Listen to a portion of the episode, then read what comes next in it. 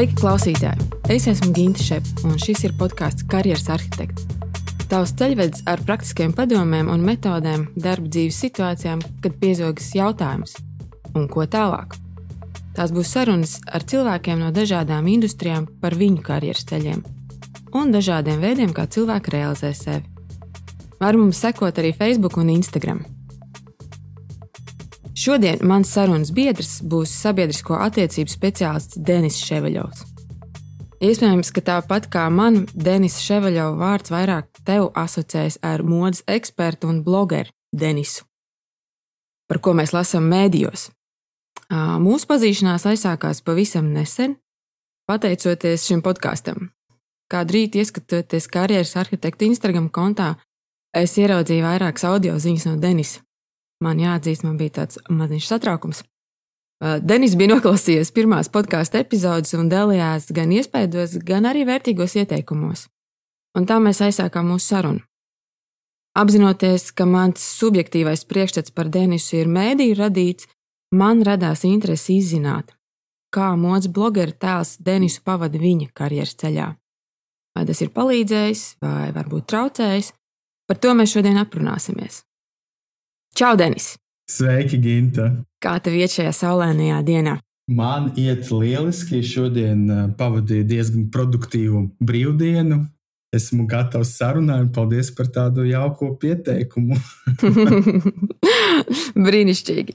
Man liekas, ka mums izdosies lielisks stāsts. Um, sāksim ar manu klasisko jautājumu. Ko tev nozīmē karjera? Um, Šas, šis ir ļoti labs jautājums, un īstenībā par šo no, vārdu nozīmē uh, savā dzīvē saku tikai aizdomāties, klausoties tavu podkāstu.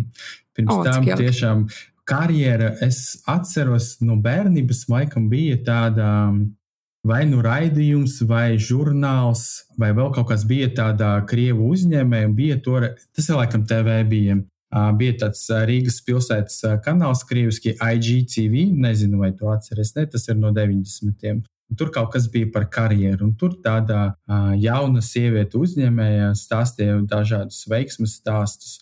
Varbūt es tagad to mazliet izdo, izdomāju savā prātā, bet man šķiet, tā kaut kas bija ļoti līdzīgs. Mm -hmm. Un tad uh, man liekas, tas karjeras ir kaut kāds tāds dinamisks, ap, ar naudu saistīts, ar uzņēmēju darbību, ar komercdarbību. Tagad, manuprāt, nu, mēs varam paskatīties divus veidus, kā vai nu tādu retrospektīvu pieeju, tas ir, varētu būt drīzāk kaut kas vēsturnieka pieejams, kad mēs skatāmies, kā cilvēkam veids un gāja tieši profesionālajā dzīvē, vai nu, tas varētu būt kaut kāds uz nākotni vērsts cilvēka mērķu, sapņu kopums, kurš viņš mēģina realizēt, iztenojot savas kaut kādas profesionālas ambīcijas. Tā varētu mm -hmm. būt mhm. karjera. Man karjera, nu, tā viņa tāda duāla daba, es teiktu. Gan es varētu padomāt, kā man gāja, un tālāk skatīties, ko es gribētu sasniegt. Tīri pro, profesionāli. Nu, vēl, protams, ka varbūt ir kaut kāds Holivudu veidots priekšstats, kas varētu būt karjera. Tas principā kaut kāds veiksme, veiksmes stāsts, kā cilvēks panāca kaut kādu, ieguva kaut kādus materiālus labumus un bauda veiksmi pateicoties savam darbam. Mm -hmm. Tad tu to skaties, kā tas ir tavs pagātnes nogrieznis, kas tur ir noticis, un arī par, par saviem nākotnes sapņiem domājot. Tā pareizi sapratu. Nu, īsti, es īsti nevarētu atbildēt šo jautājumu tagad, jo esmu pārdomās. Un šim pārdomam tavs arī podkāsts man iedvesmo. Es ceru, ka varētu atbildēt vēlāk, kas tas varētu būt. okay. Arī zini, šie pārdomju brīži, jeb tādi pieturspunkti, ir, ir daļa, manuprāt, mūsu karjeras ceļa, kad mēs kaut kādā brīdī apstājamies un drusku pareflektējam, kas bija un, un kur es esmu šobrīd un kur es gribu būt. Tā kā, man liekas, ka tā arī ir daļa no tava ceļa. Tā viss kārtībā. Klau, ja es iegūlētu tagad um, Google un ierakstītu Denis Ševaļovs, ko es tur atrastu, kā tev liekas? Nu, tādā virsrakstu līmenī. Atzīšos, es to ļoti regulāri daru, pārbaudu pēdējā laikā.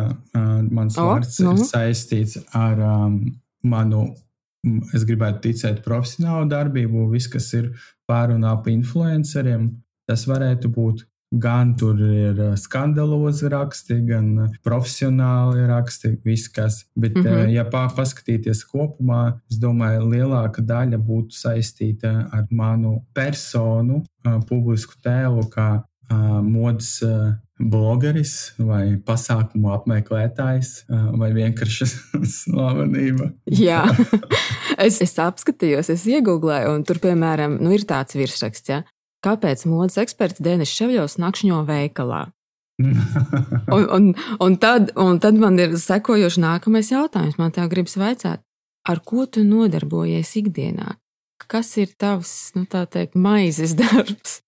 Ko Denis dara? Jā, kāda ir tava normāla darba diena?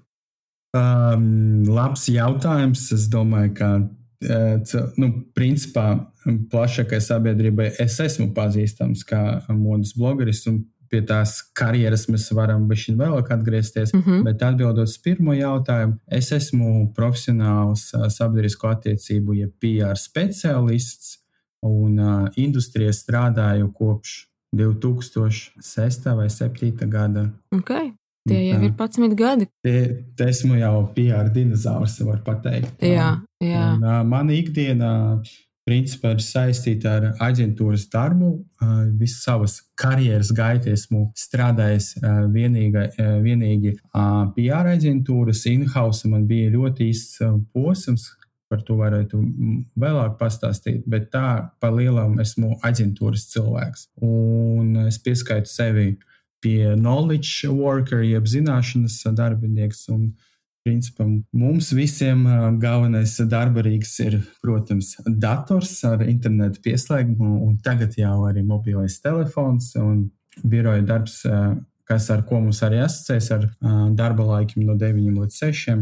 Tā arī notiek, bet ņemot vērā mūsu specifiku, kā mums vajadzētu aģentūra būt vērstiem uz servisu un uz klientiem. Protams, kā tie darba laiki, es teiktu, pēdējos pie, divus, trīs gados viņi mainās, un cilvēki sagaida, visi arī partneri, ka to ir pieejams kad uh, visam ir ērtāk. Un uh, arī es daudz uh, rik, uh, organizēju, rīkoju dažādus pasākumus, un, protams, kā tradicionāli pasākumi notiek uh, vakarā, tāpēc arī man darba diena varētu ilgst līdz pat trīs uh, naktīm. Dažādi ir. Bet es tiešām baudu tā, uh, okay. pasākumus, pasākumu rīkošanu. Tas ir arī ka, tas, ir tas, ar ko esmu pazīstams profesionālā vidē.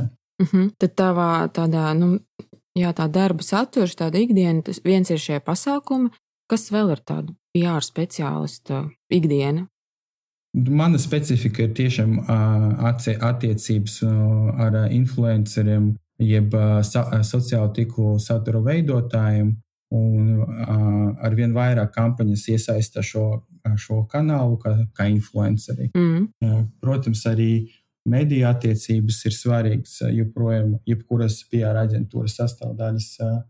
Darba sastāvdaļa, tad mums vajadzētu arī uzturēt attiecības labas ar žurnālistiem, redaktoriem. Tā kā daļa no darba ir attiecību veidošana un uzturēšana. Un tas ir atkarīgs ļoti personīgi, kā kurš to dara.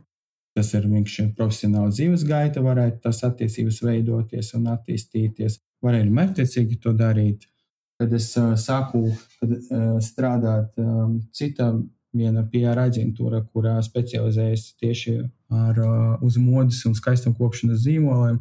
Tad arī man bija viens no tādiem lieliem pasākumiem, kur um, es aicināju visus uh, relevantus žurnālistus un redaktorus un, un sāku veidot attiecības, iepazinu ar sevi. Tā, tā, tā mhm, arī varētu mm -hmm. būt aktīva un mērķiecīga darbība, ko darīt. Bet uh, lielais uzdevums, protams, ir uh, nodot klienta vai zīmola vēstījumu relevantai publikai, izmantojot atbilstošus kanālus. Un vēsturiski, protams, kā visefektīvākais veids, kā to izdarīt, ir izmantot plašsaziņas līdzekļus, jeb mēdījus, žurnālus, TV kanālus, radio, ziņu portālus. Kā arī tagad pēdējos, teiktu, 5, 4 gadus arī sociālo tīklu satura veidotājs. Un tā arī izskatās mana ikdiena. Nu, diezgan raiba. Tā ir. Klau, kas tev palīdz būt veiksmīgam tajā, ko tu dari? Kā tev šķiet?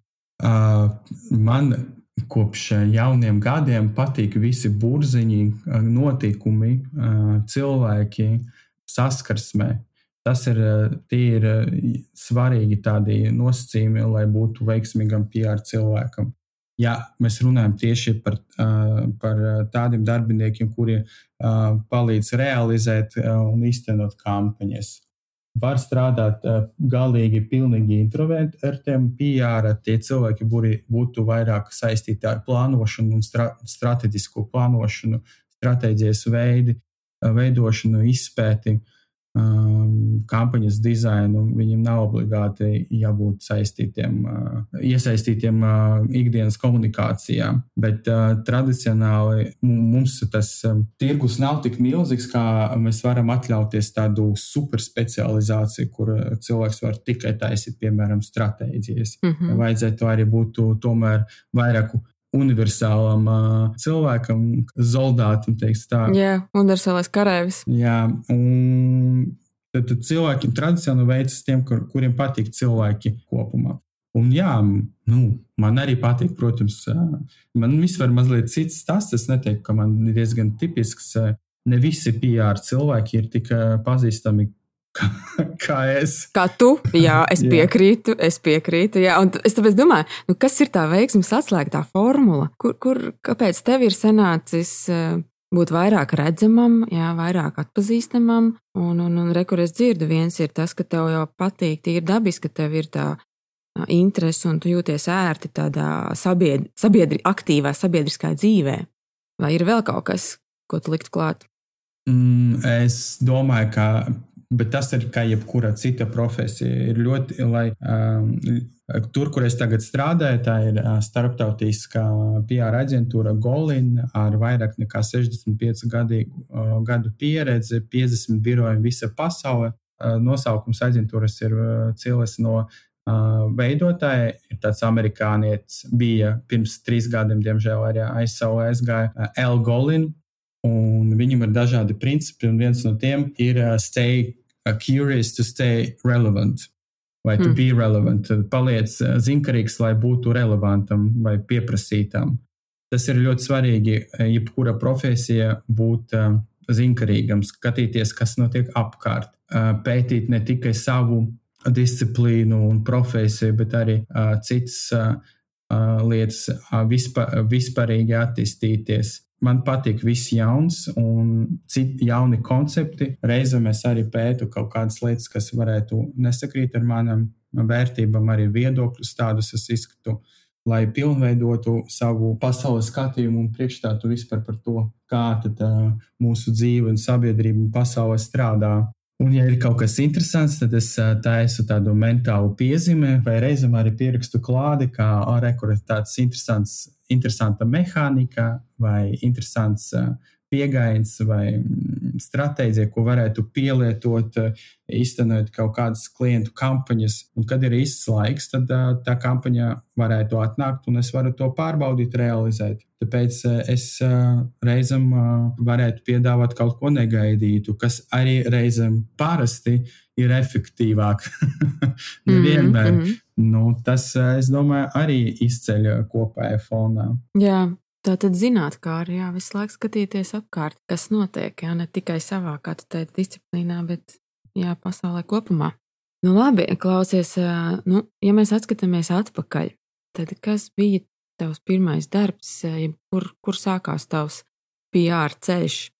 Uh, ok, tad, tad es savu PR karjeru sāku vēl studiju laika, kad es uh, pabeidzu pirmo kursu Rīgas Stradiņa Universitātes uh, komunikācijas fakultātes sabiedrisko attiecību programmu, un toreiz PR bija ārkārtīgi populārs. Vairāk par ekonomiku. Pat Kristīgai akadēmijai bija PR uh, kurs vai programma. Tas, viņš, Man, tas bija kaut kas jauns, kaut kas tāds visam svaigs. Svaigs, visi gribēja to. Liks arī, ka tas varētu, tas ir viegls cipa darbs, un arī tur bija dažādi interesanti stāsti. Man pēc tam pasniedzēja stāstīja, ka viņi taisa aptaujas arī, kāpēc uh, studenti piesaka studijām, un uh, viens no tiem tolaik populārākam atbildēm bija, ka es pats gribu kļūt slavenam.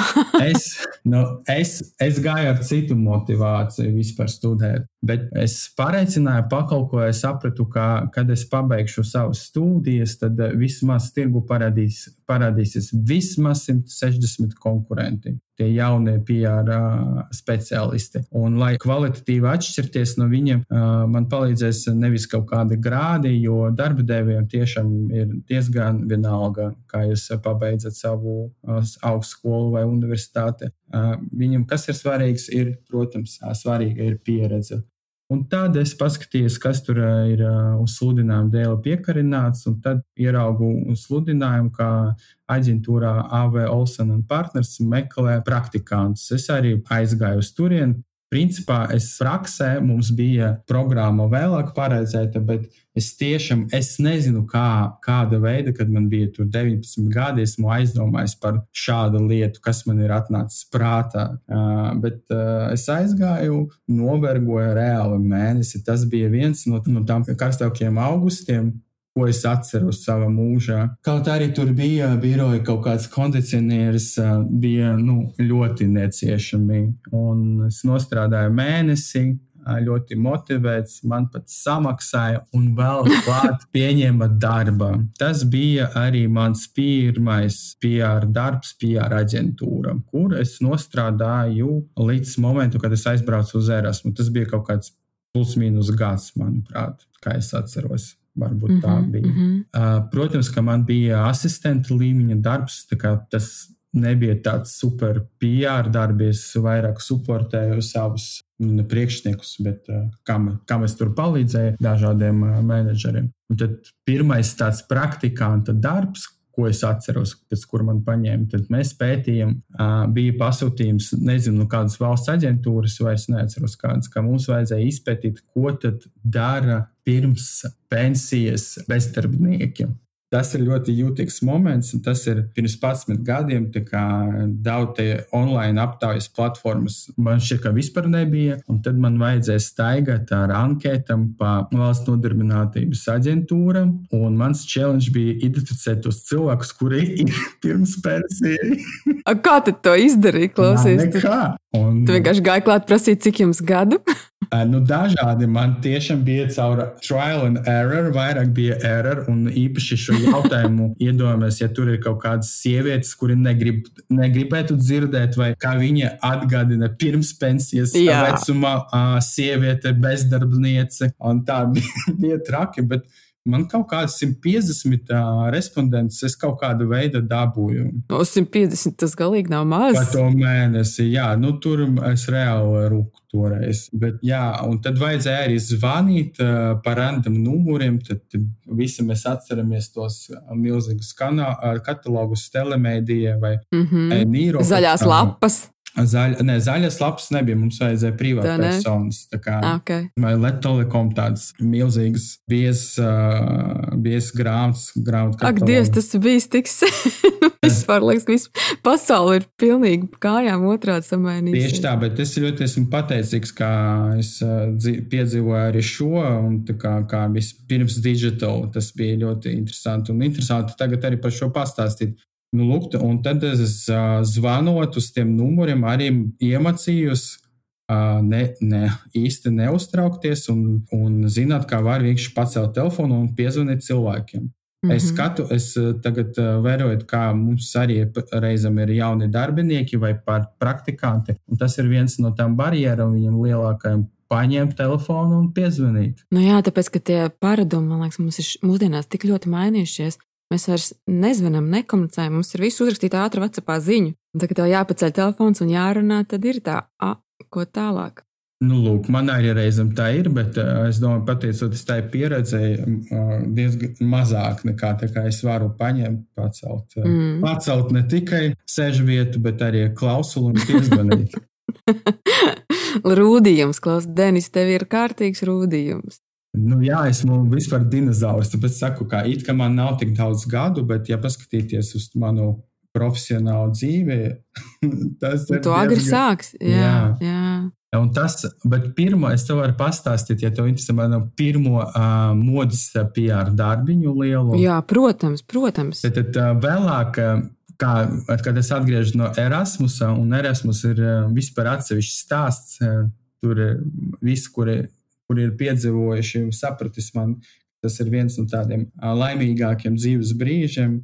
Atgriežoties uz Latviju, sākas tā krīze, cik es saprotu, nu jā, tas ir kaut kāds 8, 9 gads, varbūt, un tad um, Olsena vairs nebija darbā man, un tad um, es domāju, es īsti tur nepārdzīvoju, jo varēja atļauties nepastrādāt mazliet, un tad vēl vajadzēja arī diplomu sākt rakstīt, jo bija pēdējais kurs Un tad uh, ieraudzīju sludinājumu, bet es meklēju, protams, darbu.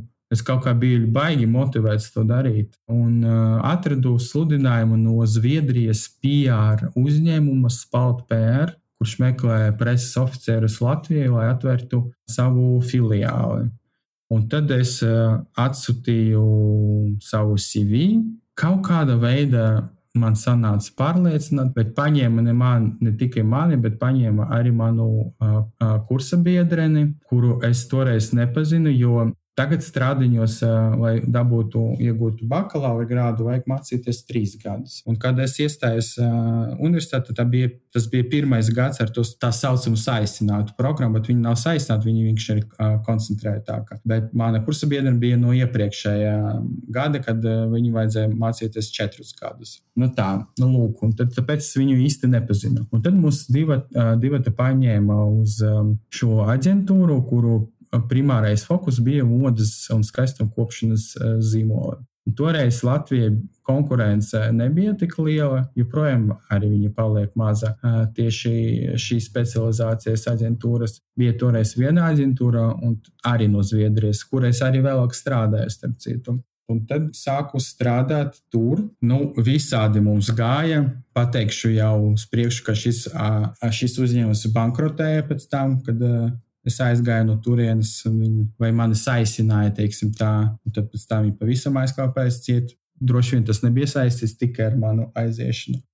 es tikai gribēju jautāt, vai tur ir kaut kāda saistība? Nu, nu, es nezinu, tur bija vairāki faktori. Tā aprunāt negribas nevienu. Protams, nu, nē, nē, bet, nē, nē. Uh, tur bija gan ne ļoti stiprs menedžments, viņš nebija vienmēr šeit, un, bet mūsu uzņēmums uzdevums toreiz bija vienkārši izpildīt um, norādes, pasūtījums un nodrošina to operatīvo darbību. Mēs nekādu veidu nebijām iesaistīti biznesa attīstībā. Tas bija mūsu priekšnieka pienākums, un viņš nebija no šejienes. Tāpēc viņš nu, tā varbūt, nu, nezinu, kā viņa tur gāja, bet bija visādi interesanti. Un no tiem laikiem sāku arī aizdomāties par vispār par uzņēmumu un uzņēmēju darbības struktūru, kā, kas strādā. Nu, lūk, bet pateicoties tam darbam, esmu iegājis tā modes pasaulē, Latvijas modes, Rīgas modes panteona. Mm -hmm. Mans pirmais no lielākiem darbiem bija uh, veikalā New Yorker. New Yorker ir mod, vācu modes uh, fast fashion uh, zīmols, un uh, mūsu uzdevums bija atvērt veikalu paņē vēžā no Rīgas. Lietuvā? Jā, jā. Oh, interesanti. Jā, jā atceros kā dienu. Tad, tad, um, Man ir paralēli kaut kādi citi projekti, tur blogi, mūds, tur nezinu, vai diploms jau bija man šeit jau uzrakstīts, jā, kaut kas cits un tā, un tad caur telefoniem kaut kāda veida es dabūju tehniku. Tas viss pirms tā liela interneta pa lielam, un man toreiz nebija kontaktu nekādu Lietuvu bet caur paziņām, draugiem es dabūju kaut ko tādu. Tur nebija nekas dižs, ja tā padomāt. Mūsu uzdevums bija organizēt, lai būtu mūzika, DJs, promo cilvēki, make-ups, kaut kāds apgaismojums, baloni uh, un kaut kāda presē. Šo Nu, es neteiktu, ka tas nekas nebija. Tomēr tās ir tādas, nu, ko tev attālināt, bez kontaktiem izdarīt. Nu, tāds izaicinājums. Un tas viss notika 18. novembrī, es atceros. Oh, wow! Jā, iepriekšējā dienā es arī pabalējos mazliet. Toreiz, cik man gadi bija, nu, kaut kādi, nezinu, 21, varbūt 22, kaut kā tā apmēram. Un tad uh, tur atbrauca mans priekšnieks no citas valsts, uh, un savāca manu mašīnu, un es tur braucu. Viņš bija kavējis un kaut kāds nervos. Es pēc tam uzzināju, ka viņš ir diabetes īstenībā, un tad pēc tam mm. visu sāk skaidrot, jo viņam visdrīzāk reizēm bija zemes uh, cukura līmenis, un uh, kā, pēc tam zinot šo, man vienmēr tikšanas bija kaut kādas konfekts uz galda. Tu jau biji sagatavojies. Jā, es tā kā un, um, un uzreiz viss mainījies. Jo es, es šo zinu, jo mans tēvs ir diabetes, tāpēc es zinu, kādas mood swings varētu būt dēļ tā mm. visa. Bet to šo es uzzināju tieši nejauši, jo tajā pa, pašā braucienā viņu vajadzēja steidzami apstās, apstādīt mašīnu un uztaisīt injekciju ar insulīnu. Tas ir tev tā kā tādā filmā, tas viss tur notika. nu tā. 18. novembris. vadītājs, kuram cukura diabetes un pēkšņi viņam slikti paliek. Un slikti tu pats paliek. vēl nobalējies. Jā.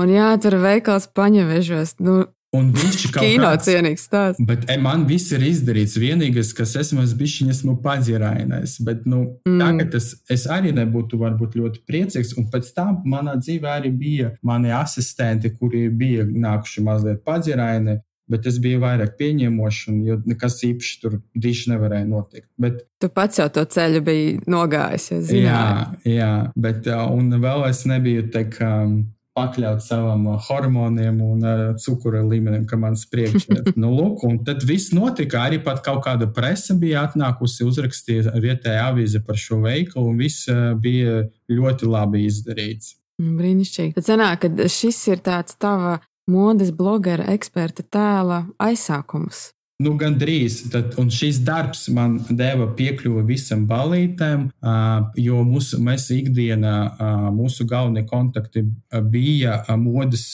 žurnālisti, stilisti un redaktori. Un caur viņiem mēs arī varējām dabūt visu ielūgumus uz balītēm. Mm -hmm. Un tad, bet tas nebija vienīgais, tāpēc, ka mēs viņus pazīstam.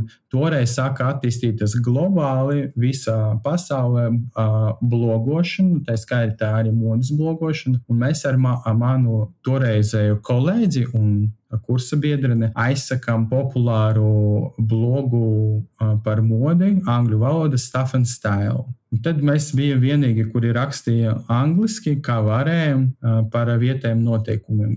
Gan par modes nedēļām, gan par veikalu atklāšanām, par kaut kādiem pasākumiem. Viss, kas toreiz tas bija tiešām kaut kas jauns. Ne, nekas nevarēja saprast. Tu, it kā tu nesi nekāds mūziķis, ne mākslinieks. It kā tu nesi vienkārši kaut kāds uh, tusētājs, vienkārši kaut kāds uh, ba bagāts biznesa uh, atvase vai kaut kā tā.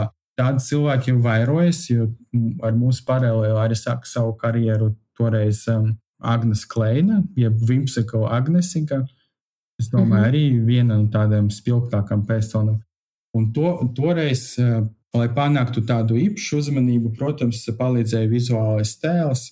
Un es biju pazīstams kā uh, modes blogeris leggingos, jeb zeķu biksēs. Dažādi varianti bija. Es atceros, jā. jā. Tas bija kaut kāds greizi, viens no greizi uh, trendiem. To, to mode bija tie leggingi, bet mm -hmm. uh, Latvijā bija to, nu, joprojām, es domāju, paliek mazliet atpalikusi uh, trendu adaptēšana. Tagad nav tas tik, tik uh, raksturīgi, bet uh, toreiz, kad internetam uh, penetrācija nebija tik liela, tie trendi tiešām varēja kavēties divus, trīs gadus. Nu, ar šādu šokējušu tēlu tu esi palicis. Jā, jā piesaistīja uzmanību. Tas, uzmanību, tas, bija, jā, jā. tas bija apzināts gājiens. Bet man liekas, tas nav ne tikai spilgti, bet arī nenormāli stilīgi. Mm -hmm. uh, šodien, uh, skatoties uz visām tām bildēm vai Facebook memories, tā saucamiem, uh, man nav kauns par uh, savu, savam izvēlam, bet uh, es reizēm uzdodu sev jautājumu, tieši kāpēc un kādā veidā esmu nonācis pie tāda izvēle. Nu, te mēs nonākam pie mana nākamā secīgā jautājuma. Es te gribēju vaicāt tieši par šo tēlu. Kā tev otrs blogera tēls ir palīdzējis karjerā? Vai tieši pretēji kaut kur tu jūties, ka tas tev traucē? Um, tas ir ļoti labs jautājums. Protams, kā mans uh, bloga tēls un atpazīstamība palīdzēja atvērt vairākus uh, durvjus, un man bija vieglāk varbūt kādam piezvanīt, uzrunāt. Uh, mans arī tīkls, jeb networks, paplašinājās vairāk un vairāk ar katru pasākumu, un tādas platformas kā Riga Fashion Week deva nenormālu vispār būstu tajā networkingā. Bet uh, vēlāk, kad es uh, gribēju nodarboties varbūt ne tikai ar, modes uh, lietiņu, bet paplašināt, pamēģināt sevi arī cita PR nozare, iespējams, bija kaut kādi aizspriedumi, kas varēja kā kavekli kaut kādā karjeras attīstībā. Un ne visi mani varēja pieņemt nopietni. Īpaši atceroties, kā es biju ar rūdiem, rīžiem, matiem, staigājot uh, leggingos un šokējuši izskatoties. Bet ziniet, ko tagad viss vispār mēs jums varam saprast un pazīst salīdzinājumu. Ja paņemt tagad manu tēlu un citu personību, kur ir šokējuši izskatās, es domāju, es būšu kaut kādā skalā no 4, 5 no desmitnieka. Tagad ir stiltāki un trakāki piemēri. Nu, jā, un tad uh, bija tādi momenti. Protams, arī mums, bet Es nezinu, es, lai neizklausītos iedomīgam, bet uh, es tomēr esmu plus mīnus kaut kāda slavenība Latvijā. Un katram veidojas priekšstats uh, ļoti ātri, jo mēs nepazīstam to cilvēku, uh, mums darbojas stereotipi. Kaut kā man varētu domāt, ka esmu iedomīgs, paviršs cilvēks, kuram interesē tikai šmotkas vai balītis un kaut kāds dzirkstošais dzēriens. Un pēc kaut kādas sarunas ar mani viņam tas viņa bija pārsteigti, ka tas tēls vai priekšstats, kas ir veidojis par mani, pilnīgi ir pretrunā ar kāds es esmu viņus acis nu, patiesībā. Jā, jā, tieši tas, es, es tieši par to domāju, ka mēdīju, mēdīju radīts tēls, tas var būt kaut kas pilnīgi viens, bet dzīvē un tādā profesionālajā sadarbībā tu esi pilnīgi kaut kas cits. Un, un tad, nu, jā, cik ļoti tev tas traucēs, palīdzēs, un, un, un tas jūtas tas cilvēku nu, attieksmes vai vērtējums, balstoties tikai uz to, kas ir lasīts, redzēts mēdījos. Bija tā, bet man, es neteiktu, ka man ir traki. Tagad, ja tā paskatīties, principā tas tēls, kas veidojas uh, mēdījos, viņš ir plus mīnus diezgan akurāts. Izņemot uh mhm. -huh. varbūt tos pirmus posmus, uh, kaut kādus uh, tur skaļus uh, saukļus. Tomēr es arī biju ļoti jauns. Es esmu joprojām jauns, bet tagad es. Protams. bet tagad man ir apzināti uh, viss process, kas ir saistīts ar manu tēlu. Ko es sāku, kā es sāku, kāda es sāku, kādus viedokļus es atļauju paust, kāda veida. Un tā to es uh, pie tā es piedomāju un kontrolēju. Mm -hmm. Jo es pats strādāju PR un zinu, kā tas varētu pavērsties. Nu, lūk, un eh, vienmēr mēģinu runāt uh, tādus teikumus, kurus, ja pat tu izgriež ārā kaut kādu daļiņu, tad uh, nebūtu kaut kādas lielas uh, distortions, kā, kā tu pateiksi. Lai tu nevarētu pagriezt tādu veidu, ka vēlas mēdīju vairāk šokējuši. Jā, kontekstu vienkārši Jā. citu piešķirtam. Nu, tas ir grūti, bet to var izdarīt. Un dalība dažādas šovus arī man iemācīja to darīt, kā, kā labāk mm. uzvesties. Jā, jā, jā. jā. No šoviem es arī jā, es esmu redzējis tavu dalību visādos šovos, un man bija tas priekšstats, ka, oh, nu šis puisis ir tāds ar savu viedokli, un viņš arī nekautrēsies tev tā. Nu, ar cirvīti apcirst apkārt, jā, ja būs kaut kas sakāms. Nē, nu tāpēc arī mediji man mīlēja toreiz, ka es varēju no jā, piedāvāt no jā. to, ko viņi gaida. Protams, ka neviens negrib kaut kādu garlaicīgu kārtēju cilvēku, īpaši, ka jā. es tur neesmu augstākā ešalona slavenība. Jā, man vajadzēja arī bišķiņu kaut ko piestrādāt pie tā. Tā kā es nevaru. Provokatīvs tēls, provokatīvs. Nu, jā, ar tādu piegaršiņu varbūt. Mm. Jo ir citi, citi varianti un tā, bet. Uh, Protams, kā tāpēc varbūt es arī biju relevants un joprojām esmu relevants, jo es zinu, ko viņi gaida. Mm -hmm. Jā, Lau, tavā karjeras ceļā ir vēl kāds spilgts notikums. Tu esi izdevusi grāmatu. Vari pastāstīt, kā tev radās ideja par to un par ko ir šī grāmata? Yes, uh, grāmatu esmu izdevis kopā ar savu draugu Gunu Leškunu Roku, ar kuru esmu iepazinies pateicoties modes nedēļai un dalībai dažādus projektus. Mums savēda kopā toreiz tāda aktīva persona Bagdana Kandrašina, slavena fotografa sieva Sergeja Kondrašina. Mm. Uh, viņiem ir bijis ļoti pazīstams, atpazīstams projekts kā kalendārs, kur viņa uh, gluži kā Pirelli kalendārs izvēlējies kaut kādas nu, Latvijas pazīstamas sievietes un pusatkailināta veida iemužināja viņus. Un tad viņi arī izdomāja, kā vajadzētu pagriezt šī, šī kalendāra filmēšana realitātes šova formātā. Un tad es jau biju nonācis kaut kādā sabiedrības radārā, kad cilvēks ar viedokli, kurš arī traki izskatās, un kuram arī patīk uzmanība un nekautrējas no kamerām. Un tad man uzrunāja viņa, un kaut kādā vienā no pirmajām uh, Latvijas stila un modes balvām viņi man arī iepazīstināja ar Gunu Leškalnu Roku. Un kaut kā mums notika klikšķis. Viņa ir ārkārtīgi inteligenta, izglītota, asprātīga, skaista sieviete, un man gribējās būt viņas kompānijā. Mēs ar laiku gaitu kļuvām par draugiem, apmeklējām pasākumus kopā, ja, kad viņa bija Rīgā, sēdējām pirmais rindas, gājām uz veikalu atklāšanu. Un tad mēdīja saka, ik pa laikam jautāt mums jautājumus, lūgt vērt, vietējos slavenību vērtējumus, kā viņi izskatās, vai viņi atbilstoši etiketei vai notikumam apģērbs un tā tālāk. Un kad mums sapratām, ka mēs viens tos pašus komentārus rakstam par dažādiem cilvēkiem jau trešo gadu, mēs apzināmies, ka tomēr Latvija nekas nemainas, ka ir joprojām kaut kādi maldīgi priekšstāti par dresskodiem, kā vajadzētu vispār apkopot mūsu zināšanas un iz, izdot viņas grāmatas veidā. Tā ir veidojusies ideja izlaist grāmatu ar nosaukumu Stils. Mm -hmm. Nu, brīnišķīgi. Un tad mēs rakstījām to grāmatu ļoti ilgi. Es teiktu, ideja parādījās kaut kādā, tas bija pieci gadi pirms eh, izdošanas gada, izdevām mēs 18 sanāk 13. gada mēs domājam, ka to vajag darīt, bet aktīvi uh, mēs sākam strādāt 2015. sanāk tā.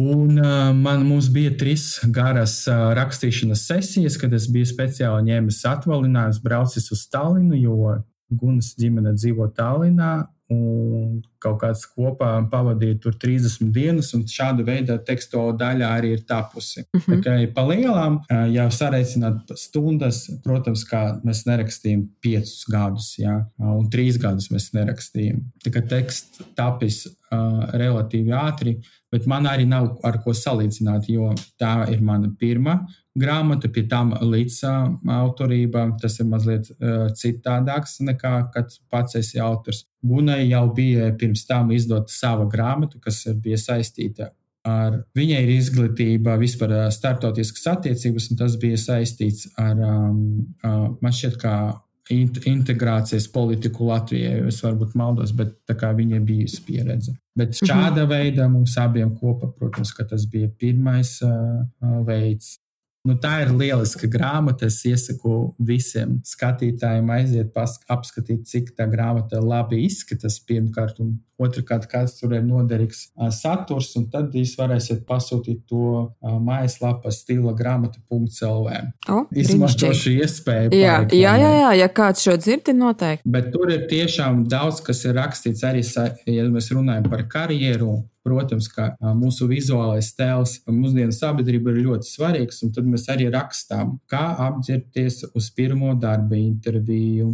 Mums sniedz padomu, piemēram, ir Irina Pīgozna, slavena tāda dāma, kā, ko uzvilkt uz pirmo randiņu, kā veidot savu pamatgarderobi, ko pirkt uz atlaidēm, ko nevajadzētu. O, cik vērtīgi. Pamati par make-upu, forša grāmata ar humoru un jums patiks. Mm -hmm. Vispār arī mazliet arī par etiketu, ko nozīmē RSVP, kā rīkot labu pasākumu, kā uzvesties sabiedrība. Visas tas lietas, kas kuri joprojām ir aktuālas. Jā, tie jautājumi ne, nepazaudē savu aktualitāti. Jebkurā laikā. Nu, vot, un runājot par karjeru, protams, kā mēs aprunājamies ar Gunu, tad uh, man vajadzēja izdodot pirms uh, izdošanas laika un pēc arī vairāk sekot savam tēlam, medijos un sabiedrībā, lai es varētu arī ar sevi iemiesot šo grāmatu. Tas bija tāds, principā, pirmais moments, kad es sāku reāli konstruēt savu tēlu. Oh, šis jau ir interesanti, jā, kā tu tā apzināti ja, piestrādā un piedomā pie tā, kas notiek tavā karjeras ceļā un kā tu sev parādi sabiedrībai. Bet vai tev ir kāds nākamais projekts, ar ko tu sabiedrību esi gatavs iepazīstināt vai pārsteigt? Vai tu esi par kaut ko domājis, sapņojis? Man vienmēr ir sapņi, bet um, sapratu, ka ar sapņiem nepietiek. Sapņus vajadzētu pārvērst kaut kādus sajūtamus projektus un plānos. Citādi tie sapņi varētu tikai uh, indēt tavu dzīvi un paliekot kaut kur apziņā, aizmugurē, kuri tev būtu labi, bet man nav laika. Tas viss ir ļoti slikti. Pēc es parasti mēģinu uzrakstīt Parasti tas notiek jaunajā gadā vai īsi pirms, un tad es rakstu jaungada apņemšanas, jeb New Year's resolution, un tad mēģinu mm -hmm. kaut ko mhm. realizēt. Daži man sanāca, daži nē, daži bija saistīti vairāk ar savu pe personīgu dzīvi. Piemēram, atbrīvoties no nikotīna atkarības vai, tur nezinu, mazāk dzert alkoholu vai vairāk nodarboties ar sportu un tādas lietas ir arī kaut kādas profesionālas lietas. Un es, protams, gribētu vēlreiz pieredzēt uh, grāmatas uh, rakstīšanas un izdošanas uh, jāmpadrāts, es teiktu tā, jo tas uh, gandarījums sajūta, ko, ko tu saņēmi. Redzot jau tavu mentālu darbības produktu veikala plauktos, ir ļoti grūti ar ko salīdzināt. Mm. Tas tā kā tavs bērns, ne? Nu, es ne, man bērna nav. Es negribētu jā. pateikt kaut ko. Nu, nu jā, nu tad ne tā, bet es domāju, ka. Bērni arī var sanākt nejauši un neplānojot. Grāmata mazliet cits jautājums. Plānots. Jā. jā, tas ir ļoti plānots. jā, bet, bet, jā. jā, pa lielam, lai uzrakstītu grāmatu, vajag kaut kādus deviņus mēnešus. Protams, nu jā. tas ir. Divās tas. dienās neuzrakstīs. Bet uh, es zinu, ka ir viena krievu blogere, kura pa, uh, pa mēnesi uzrakstīja tekstu un uh, izdeva. Tas ir iespējams. Bet parasti tie stāsti nav pilni, jo viņi visu to saturu bija veidojuši iepriekš vai savam YouTube vai uh, savam newsletterim, tad viņi sakompilēja. Nevar tā pa, pa mēnesi uzrakstīt grāmatu. Tas viss ir tādi skaisti stāstīņi tikai. Nu, lūk, un iespējams, man būs kaut kur vēl viena grāmata. Midterm, tāda vidēja termiņu posma. Es pagaidām šo neesmu uzlicis uz papīra konkrēti, kas tas varētu būt. Bet tas visdrīzāk būs saistīts ar manu sirdslietu, kas ir uh, mājas kulinārija un uh, ēdienu gatavošana. O, oh, vēl viena radoša nodarbe. Jā, Tas, mm -hmm. tas... Tev kā radošai personībai, tu izpēti dažādus virzienus. Ja? Es domāju, ka mums visiem plus mīnus patīk ēst. Un uh, reizēm arī tu taisi vēl vienu, spēr vienu soļu tajā virzienā, kas tev patīk, un tu vari pagatavot pāriest. Un kaut kā vēsturiski veidojas tā, ka parasti, ko es pagatavoju man pašam garšo un garšo arī citiem. Mm -hmm, no, mm -hmm. Un uh, es arī esmu piedalījies uh, divus, jau divus kulinārijas šovos. Uh, ar, uh, pirmais bija izgāšanas, otrs bija uh, triumfāli. Es teiktu, gandrīz tā kā dažādas pieredzes ir. Protams, es daru to ikdienā, un ir kaut kādas lietas, uh, kaut kādas pieredze, kura iekrājas, ar kuru es noteikti gribētu padalīties. Nu, brīnišķīgi tā pieredze, re, kur modes pasaulē rezultējās grāmatā, un tagad uzkrātā pieredze ēdienu gatavošanā arī jārealizē nākamajā projektā grāmatā. Yes. Nu, vispār mūsu pasniedzējs tagad mācās arī uh, strādiņu pro, uh, maģistratūras programmu, un viņš saka, ka, ja ir labs uh, maģistra darbs, tad uh, arī var grāmatu izdot arī šāda veida, bet, nu, paskatīsimies. Mm.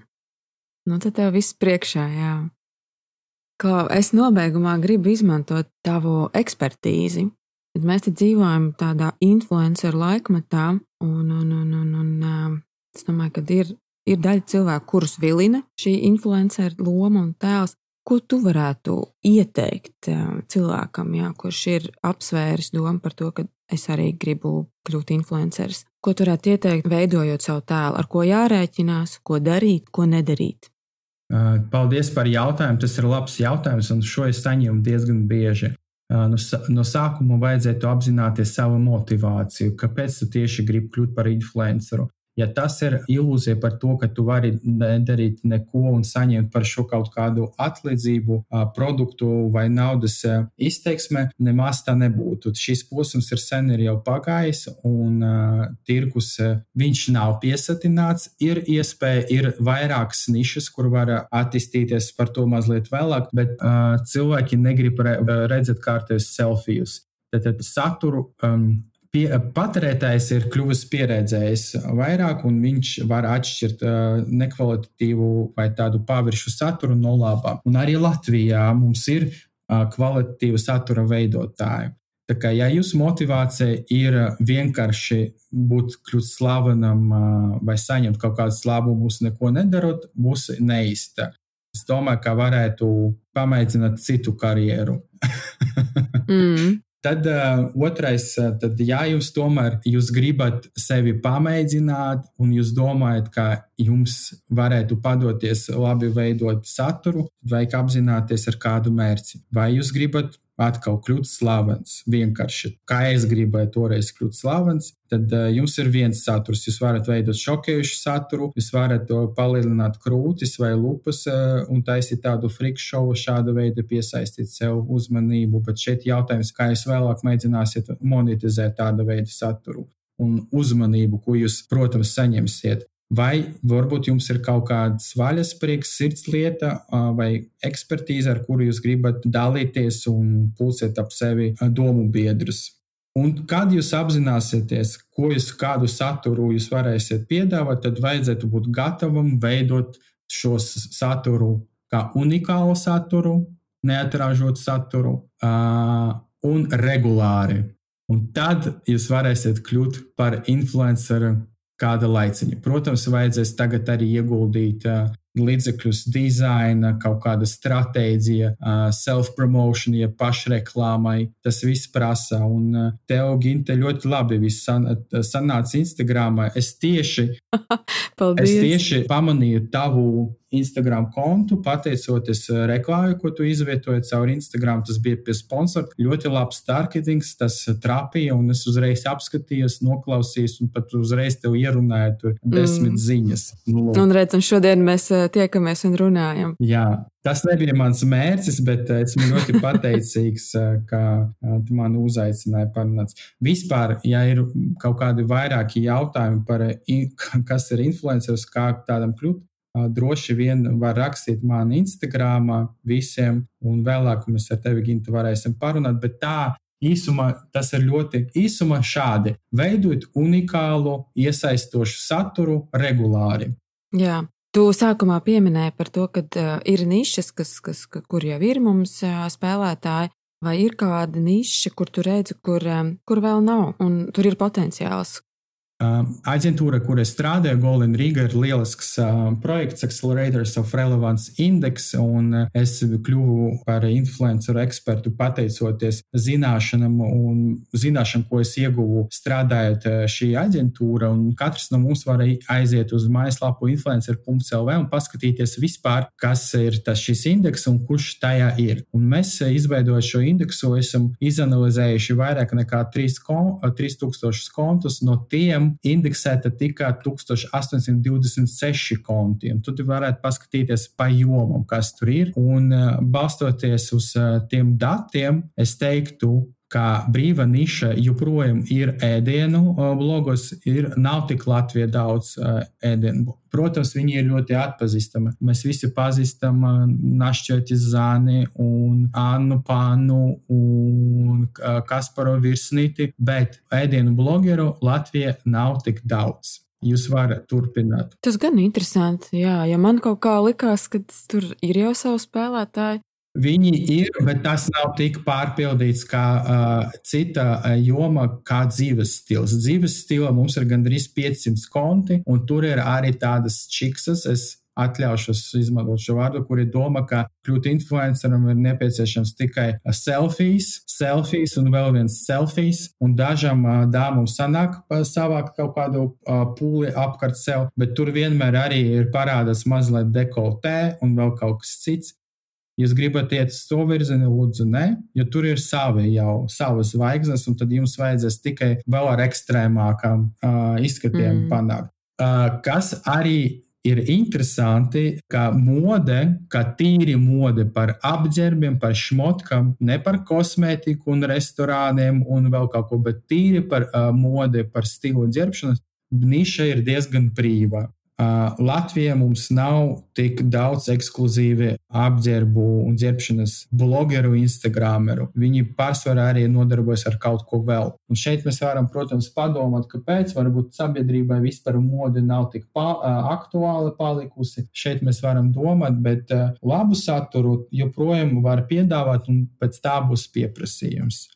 Arī runājot par gadgetiem, par tehniku, mums Latvijā joprojām niša ir brīva. Tur ir ļoti maz satura veidotāju, kuri to apraksta. Mēs pat neveidojam speciālu atsevišķu uh, nišu, ne nišu, bet jomu. Bet jautājums ir tāds, ka, uh, vai jūs spēsiet konkurēt ar starptautiskiem satura veidotājiem? Šeit vajadzētu padomāt. Un nākamā, kur es saskatu milzīgu potenciālu, visam ir dizains un interjers. Latvija ir ļoti maz, ja mēs runājam par Instagram tādu kontu, un ar hashtag paliec mājas, un ar to, ka mūsu jauna normalitāte visdrīzāk paredzēs vairāk palikšanas iekštelpās, šī tēma kļūs aktuālāka. Jo pat es sēžot mājās, saku kaut ko pilnveidot, kaut vai man nekad tas nebija aktuāli. Tikai es domāju, ka vairāk un vairāk cilvēku to darīs, tieši mēģinot mm -hmm. sevi šeit.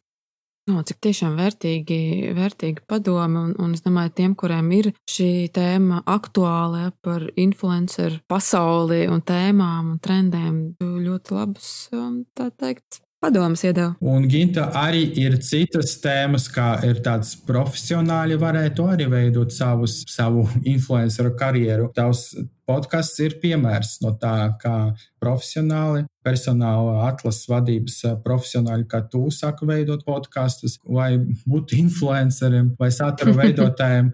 Instagrams nav vienīga platforma. Ir YouTube, ir podkāsts, mm ir citas lietas. Kā, mēs arī tiešām varam baudīt demokrātiju un informācijas tirgus demokratizāciju, kā jebkurš varētu kļūt par tirga dalībnieku un spēlētāju, pateicoties mm tehnoloģijas pieejamībai. Bet atkal šeit vajadzētu sākt sākt ar tādiem pirms, pirms jautājumiem, kādi ir mērķi, kāds ir vēstījums. Mm. Jā, pats galvenais, lai tas saturs ir ar jēgu un sasniedz to auditoriju, kam tas ir domāts. O, brīnišķīgi, Denis! Um, milzīgs paldies tev par tavu stāstu.